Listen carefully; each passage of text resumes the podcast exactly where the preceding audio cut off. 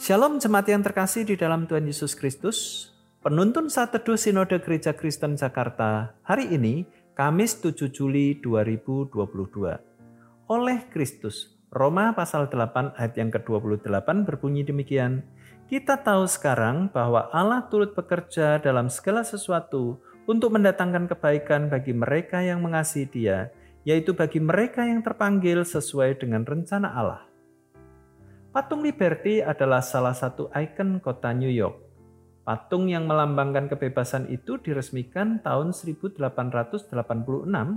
dan ditetapkan sebagai monumen nasional tahun 1924. Banyak yang tidak mengira bahwa patung itu dikerjakan oleh arsitek Prancis Frederick Auguste Bartholdi. Pengerjaannya dilakukan di Prancis selama bertahun-tahun dan menghabiskan dana besar yang sebagian disumbang oleh masyarakat Prancis. Pengerjaan patung yang megah ini mengingatkan saya kepada pekerjaan Allah di dalam kehidupan orang percaya. Tidak kelihatan tetapi nyata, tidak dikira tetapi sungguh fakta.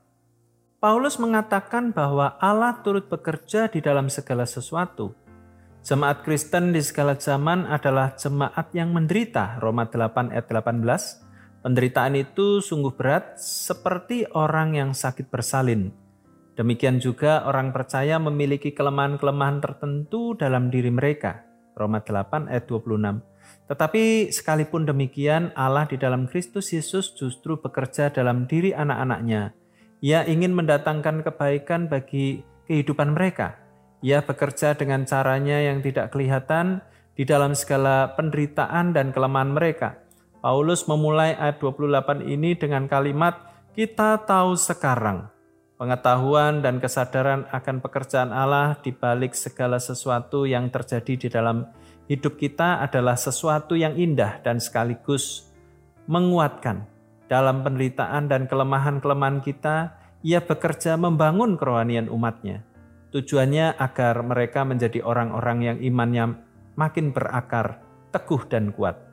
Kadangkala kita mungkin tidak sadar dan tidak mengetahui bahwa di balik segala penderitaan, kesulitan dan kelemahan kita, Kristus sedang bekerja membentuk kita. Ia hendak mendatangkan kebaikan bagi kita di balik kesukaran yang sedang kita alami. Kita sedang dimurnikan oleh Kristus melalui banyak penderitaan dan tantangan hidup. Pertanyaannya adalah, apakah kita sadar dan mengetahui hal itu? Kesadaran akan pekerjaan Allah di balik kesukaran hidup menguatkan kita. Selamat beraktivitas, Tuhan Yesus memberkati.